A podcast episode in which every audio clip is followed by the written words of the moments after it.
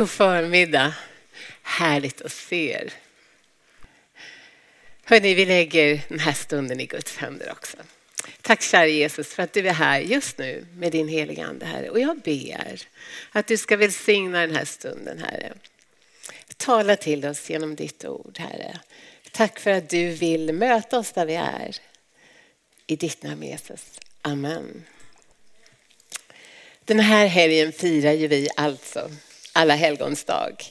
Och det är en helg då vi på ett särskilt sätt minns de som inte längre finns ibland oss. För många är det här en väldigt tung helg. Särskilt om man nyligen förlorat någon som man står nära. Men det är också en helg som får påminna oss om att allt har vi i Jesus Kristus. Där har vi vårt hopp, vårt stora hopp. Har du varit på resa någon gång och börjat undra om du någonsin ska komma fram? Alltså, ofta brukar ju barn göra det, ni vet. Man hinner precis börja rulla ut ur sin uppfart och sen frågar de, är vi framme snart? Är vi framme snart? Är vi framme snart? För flera år sedan så reste vi, Monte och jag och våra barn till mina svärföräldrar i USA. Vi är en stor familj och för att det skulle bli lite billigare så tänkte vi att ja, men vi tar en resa som har ett tio timmars stopp i Paris. Det ska nog gå bra. Och det är ju ganska, sen är det liksom 11 timmar till på planet. Men vi tänkte det är det värt om vi kan spara pengar. Ett lyxproblem, verkligen. Men när vi då äntligen skulle få gå ombord på planet från Paris så kommer en röst i högtalaren och säger tyvärr så har planet gått sönder. Ni får vänta, vi måste ta in ett nytt plan. Det blev en lång, lång, lång resa. Men vi kom fram. Och när vi väl var framme så var resan värd det trots att den hade varit lite knölig. Här ser ni familjen. Det är Montys mamma och pappa och så är det vi det syns kanske att det är vi, några av oss är lite mindre skrynkliga och några av oss var lite yngre eller riktigt små till och med.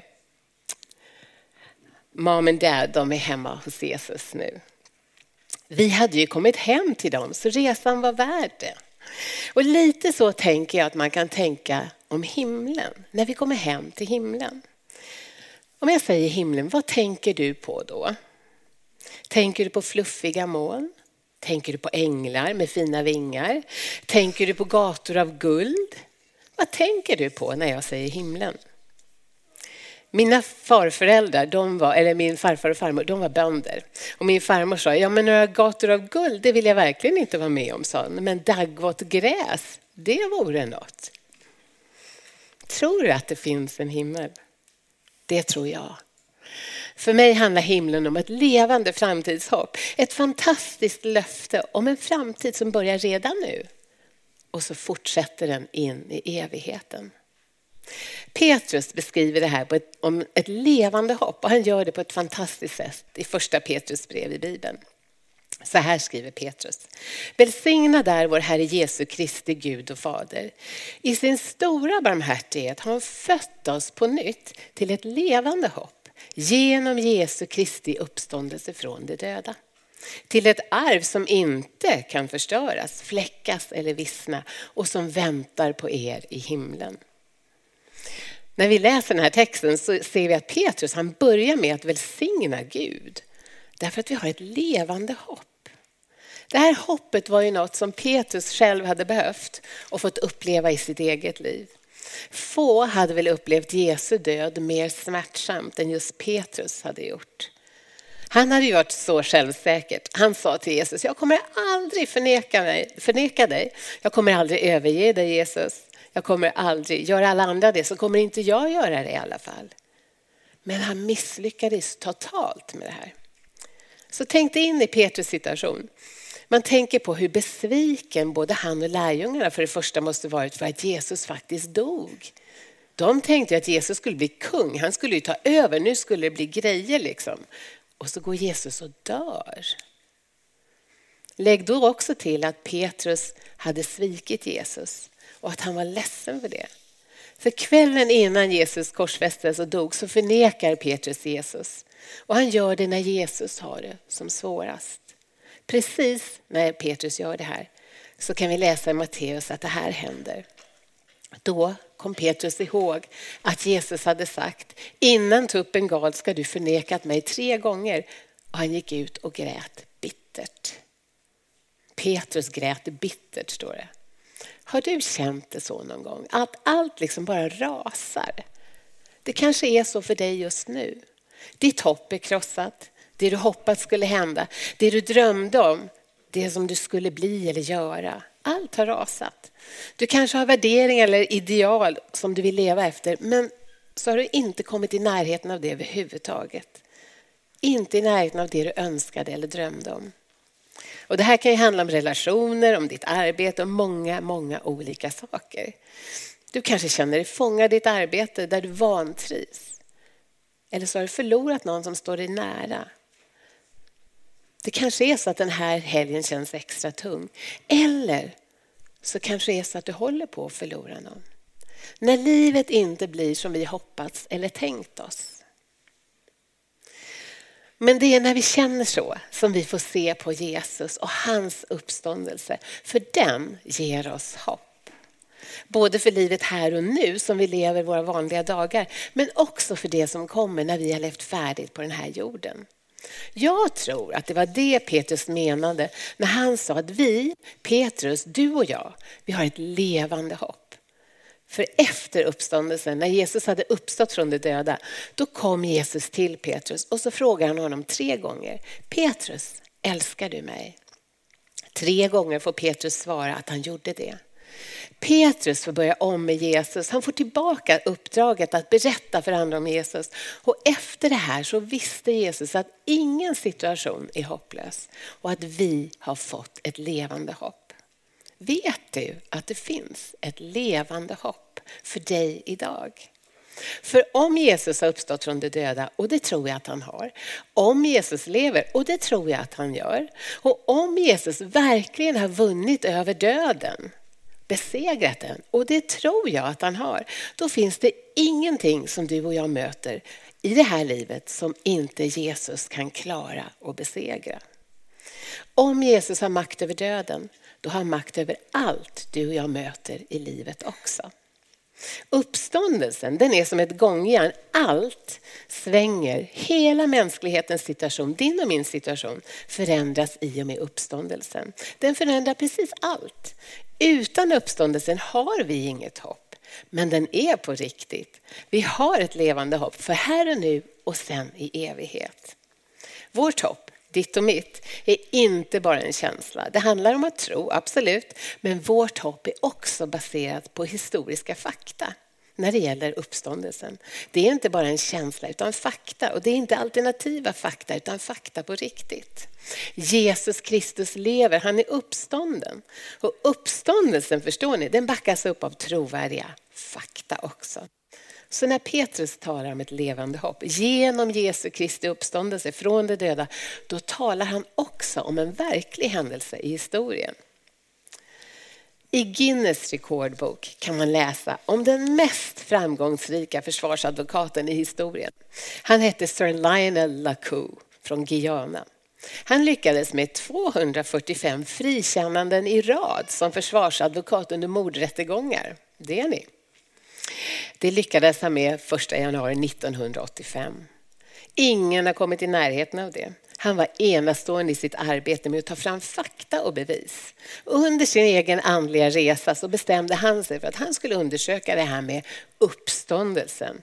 Fanns det något som liksom kunde bevisa det här? Fanns det fakta kring det här? Och när han var färdig med det då kom han till den här slutsatsen. Han skriver så här. Min entydiga slutsats är att bevisen för Jesu Kristi uppståndelse är så överväldigande att de framtvingar en acceptans av bevisen som inte lämnar något utrymme för tvivel. Och han talar inte om en symbolisk uppståndelse, liksom att något skulle ha hänt i hjärtan på något vis, utan också en fysisk uppståndelse. Det finns ju jättemånga berättelser om människor som har gjort nära döden-upplevelser och det är fascinerande. Och man kan fundera mycket kring det. Men den stora skillnaden med Jesu uppståndelse det är att han verkligen var död. När den romerska soldaten stack svärdet i sidan på Jesus då kom det ut vatten och blod. Det betyder att blodet hade slutat cirkulera. Ni vet, sen tog man Jesus från korset och svepte honom i många, många kilo örter och lägger honom i en grav, rullar för en sten och förseglar den. Och där låg han i tre dagar. Det råder inget tvivel om att Jesus var död. Men sen uppstod han och han lever idag. Han är här idag genom sin heliga ande. En annan skillnad mellan nära döden-upplevelser och Jesus det är att de som säger sig ha varit med om det, de kommer ju tillbaka till sina gamla liv och lever vidare och dör alla någon gång senare. Jesus, han kom tillbaka. Han var sig lik men ändå helt annorlunda. En av lärjungarna, Thomas, han hade svårt att tro att Jesus hade uppstått. Men Jesus visade honom såren i sidan och sina händer. Jesus hade fått en förhärligad kropp. Det var samma kropp men en förhärligad kropp. Kroppen hade korsfästs men nu var den förhärligad. Istället för att förbli död hade Jesus besegrat döden. Och det, mina vänner, är vår garanti för framtiden. Det är grunden för vårt hopp vad det gäller vår egen framtid och också när vi en dag har levt färdigt på den här jorden och möter döden. Något annat fantastiskt som gäller vårt hopp om ett liv efter döden, det beskriver Petrus som ett arv som inte kan förstöras. Hur tänker du på himlen? Jag har hört människor säga så här, ja men om det nu finns en himmel så kanske jag inte är så sugen på att hamna där ändå. Alltså låter det lockande att sitta och spela harpa i en evighet och gå runt i vita långa kläder och vara en evighet med människor man kanske har svårt för till och med. Jag tror inte att det blir så. Jag tror verkligen inte det. När Petrus ska beskriva det här så talar han om ett arv som inte kan förstöras, inte fläckas, inte vissna. För här på jorden så vissnar ju och bleknar och förstör saker till slut. Men så är det inte i himlen. Paulus skriver så här i Bibeln i den del som kallas första Korintherbrevet. Vad inget öga och inget öra hört och ingen människa anat det som Gud har berett åt dem som älskar honom. Det tycker jag låter fantastiskt. Det ser jag fram emot. Den mest utförliga beskrivningen av himlen hittar vi i Bibeln i den sista delen som kallas för Uppenbarelseboken i kapitel 21 och 22. Det allra sista kapitlen i Bibeln. I den boken är det Johannes som skriver och det är som han drar undan en ridå och så tänjer han på orden för att försöka hitta ett språk för att förklara vad det är han ser och är med om. Och vad han ser att himlen är. Han använder ord, och han använder bilder och han använder symboler. Men det är liksom som det nästan ändå inte räcker till att beskriva vad det är han ser. Johannes berättar flera saker för oss. Himlen är en plats. Det är liksom inget flytande odefinierbart tillstånd. Johannes beskriver något konkret för oss. I Uppenbarelseboken 21 så skriver Johannes så här. Och jag såg en ny himmel och en ny jord. Ty den första himlen och den första jorden var borta. Havet fanns inte mer. Och jag såg den heliga staden, det nya Jerusalem, komma ner ur himlen från Gud, redo som en brud som är smyckad för sin man. Gud har skapat oss för jorden och han kommer att fullfölja sin plan om en ny jord. Man skulle kunna säga att vi inte är på väg mot himlen utan den himmelska staden är på väg mot oss. Visionen för vår framtid är inte en annan värld utan en ny värld. Vi befrias inte från våra kroppar utan vi får nya kroppar. Lika den Jesus hade efter att han uppstått. Det är faktiskt värt ett wow. Eller hur? Himlen beskrivs som en helig plats också. Och när man läser i Uppenbarelseboken, då är det som dominerar beskrivningen av himlen Guds närvaro. Gud är närvarande. Så här står det i vers 22 i kapitel 21. Något tempel såg jag inte i staden, till Herren Gud allhärskaren är dess tempel, han och lammet. Och för en judisk man som Johannes var templet en plats där man fann Guds närvaro. Att inte ha ett tempel, det var liksom omöjligt. Men det Johannes säger är att hela staden är ett tempel. Guds närvaro är inte längre begränsad till en plats i staden, utan den är staden. Och så står det något helt fantastiskt. De ska se hans ansikte. Kan det vara så? Ni vet, genom hela Bibeln läser vi att ingen kan se Guds ansikte och överleva.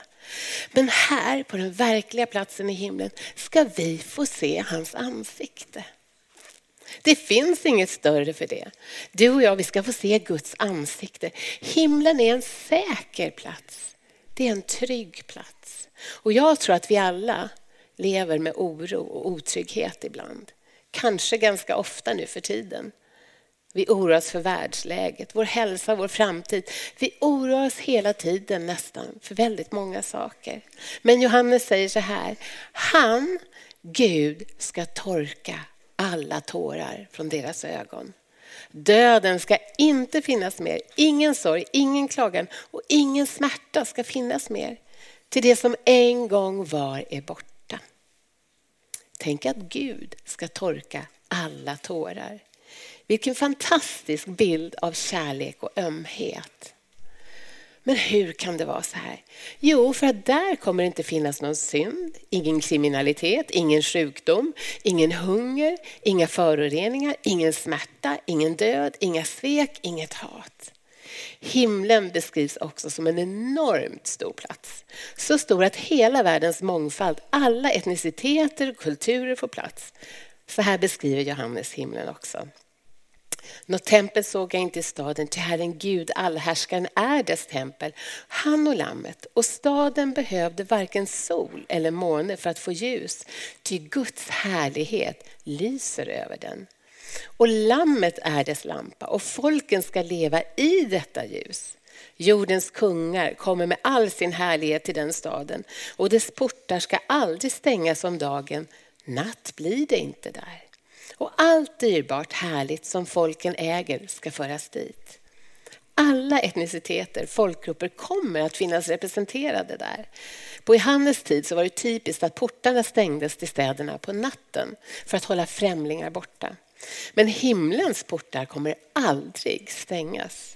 Det finns inga immigrationsproblem där. Ingen gränspolis, inga murar som ska byggas. Där är alla folkslag välkomna och de för med sig allt dyrbart och härligt som varje kultur bär med sig. Tänk dig den vackraste av alla mosaiker. Aldrig mer vi och dem, utan tillsammans det allra, allra vackraste. Himlen är också en plats där man får vara med och tjäna. Johannes säger att hans tjänare ska tjäna honom och de ska vara kungar i evigheters evighet. Jag tror att Johannes ger oss en liten vink om att vi inte kommer vara på en evig semester. Hur kul skulle väl det vara? Vi ska få vara med och tjäna Gud. Han kommer ge oss uppdrag. I Edens trädgård, ni vet från allra första början, där fanns det ju saker att göra. Gud sa till Adam att han skulle bruka och vårda trädgården. I himlen kommer det finnas uppgifter för oss, inte på samma sätt som våra arbeten på jorden. Det blir ingen måndagsångest, men det blir uppdrag som är perfekta för dig och mig. Och vårt framtidshopp, mina vänner, det är säkert. Vi behöver aldrig vara oroliga för att något ska hända med vårt hopp för evigheten. För det förvaras i säkerhet i himlen. Säkert i Guds förvar står det. Till den dag du och jag har levt färdigt på den här jorden. Petrus säger det är ett arv som inte kan förstöras, inte fläckas, inte vissna och som väntar på oss i himlen. Man skulle kunna säga att Gud bara väntar på att få ge oss ett fantastiskt arv som redan från allra första början är förberett för oss. Det finns en man som heter Mark Mitchell och han beskriver vårt arv i himlen med en ganska bra berättelse tycker jag. Så här säger han. Det var en ung man som ända sedan han var liten pojke hade fått veta att när han blev gammal nog för att ta körkort och tog körkort så skulle han få en fin bil. Så den här killen han räknade åren och månaderna. Till slut var det bara veckor, sen var det bara dagar kvar. Tills han skulle få den här fina bilen som han skulle kunna parkera i familjens fina lada. Där skulle han se till att den fick stå parkerad, polera den och ta hand om den och förvara den varmt och torrt och fint. Det var bara det att för att det skulle bli plats för den här bilen så måste hans pappa först ta bort skrotbilen som han hade under en pressändning inne i ladan. Och pojken och sonen väntade på att pappan skulle ta den där bilen, ta bort den någon gång så det skulle bli plats för hans fina bil. Och så kom dagen.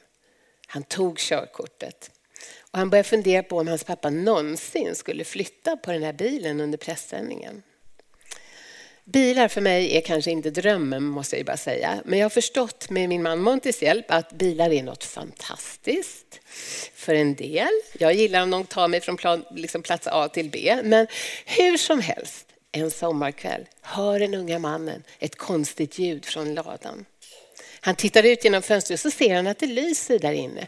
Nyfiken går han ut dit. När han öppnar dörren och kliver in så ser han att pressändningen ligger ihopvikt innanför ladans dörr. Äntligen tänker han, nu ska pappa köra iväg den här skrotbilen. Men så lyfter han blicken och då ser han en av bilvärldens mest fantastiska sportbilar genom historien, har jag fått lära mig. En Corvette och inte bara en Corvette vilken som helst utan en 1963 års Corvette 427 V8 Stingray med split window. Jag har ingen aning om vad det är, men fint är det. Wow, ska man säga där också. Den hade allt en sån bil kan ha och så var den röd. Under alla år som gått så hade den här bilen stått och väntat under pressändningen. Sonen bara stod där helt överväldigad. Den hade funnits där hela tiden. Bara väntat på att han skulle bli gammal nog. Pappan såg på sonen och stod där med ett stort leende och sa han, kom, kom, nu åker vi. Och så åkte de. På samma sätt, fast oändligt, oändligt mycket mycket mäktigare, är arvet som väntar på dig och mig i himlen. Det finns där just nu, det väntar på dig och mig. Och en dag ska Herren ta bort pressändningen så att du och jag får se det i all sin skönhet med våra egna ögon. Vi ska få se hans ansikte. Vilken dag det blir. Men frågan är, ja, men hur kan jag veta det här, att det blir så för mig? Hur kan vi få en del av det här levande hoppet? Om allt det här är sant, och jag är helt övertygad om att det här inte är alternativa fakta, utan Guds löfte och gåva till oss alla. Hur går det här till då? Ja, men Petrus svarar ju på frågan och säger, i sin stora barmhärtighet har Gud fött oss på nytt till ett levande hopp genom Jesu Kristi uppståndelse från de döda. Men vad betyder det här att han har fött oss på nytt och hur går det då till? Jo, det är ju när du och jag kommer till den här punkten när vi inser att vi behöver Jesus. Vi klarar inte det här livet själva. Då vi inser hur tomma vi är, att vi innerst inne faktiskt är ensamma. Då vi inser att vi behöver en frälsare som kan förlåta oss våra synder och misstag. Och då vi säger ja till Jesus, bjuder in honom i våra liv, litar på honom och så låter honom få bli vår frälsare. I Johannes evangeliet står det så här. Men åt dem som tog emot honom gav han rätten att bli Guds barn. Åt alla som tror på hans namn, som har blivit födda inte av blod, inte av kroppens vilja, inte av en mans vilja, utan av Gud. När du och jag tar emot Jesus i våra liv så föds vi andligt på nytt och så börjar han förvandlingen i oss. Och det händer inte för att vi är så duktiga eller perfekta eller för att vi försöker förändra oss själva. För det klarar ingen av oss på egen hand. Utan det handlar bara om Guds barmhärtighet, om hans kärlek och stora nåd mot dig och mig. Det är därför han sände sin son Jesus till korset, för att dö för vår skull istället för dig och mig. Han vill tillbringa evigheten tillsammans med dig och med mig på den plats som jag har försökt beskriva lite idag. Och Det är viktigt att vi förstår att ingen av oss kan själv förtjäna den här andliga pånyttfödelsen. Lika lite som vi kan förtjäna att vi föddes en gång när våra liv började. Det handlar om en gåva som du och jag får ta emot när vi säger ja till Jesus. Så hur är det med dig? Har du sagt ditt ja till Jesus? Vilken tröst det är att få vila i att en dag när vi har levt färdigt här, då får vi komma hem till Jesus. En dag som den här och en helg som den här, då vi kanske tänker extra mycket på de som gått före oss, som vi älskar och saknar, då är det vår tröst, det här hoppet, att vi ska få möta dem igen. Det kommer att bli jättemånga kära möten. Om jag skulle beskriva hur jag tänker med övergången mellan livet på jorden och himlen för den som tror på Jesus så ska jag göra det på det sätt som jag brukar göra vid begravningar. För jag tänker att det går till så här, som för Henok, en man i Bibeln. I, fem, I första Moseboken kan du läsa om honom och där står det så här. Sedan Henok på detta sätt hade vandrat med Gud fanns han inte mer, ty Gud hämtade hem honom. Och jag tänker så här, att du och jag, vi vandrar genom livet tillsammans med Jesus. Och så kommer en dag där han säger, och vi vandrar bildligt talat, och så säger han så här, han säger ditt namn. En dag, David, så kommer han säga ditt namn.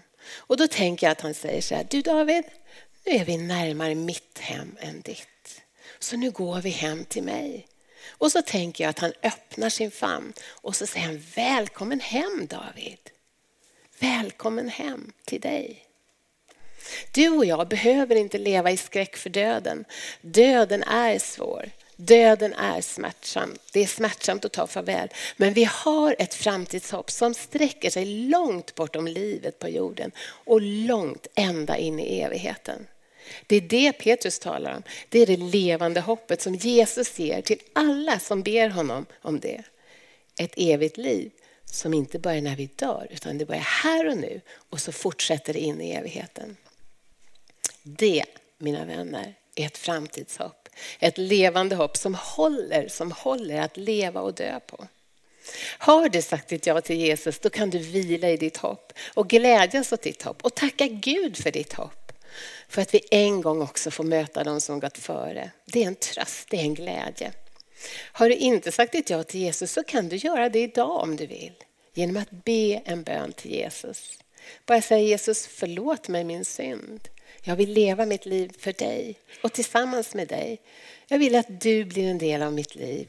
Att du leder mig från den här stunden framåt.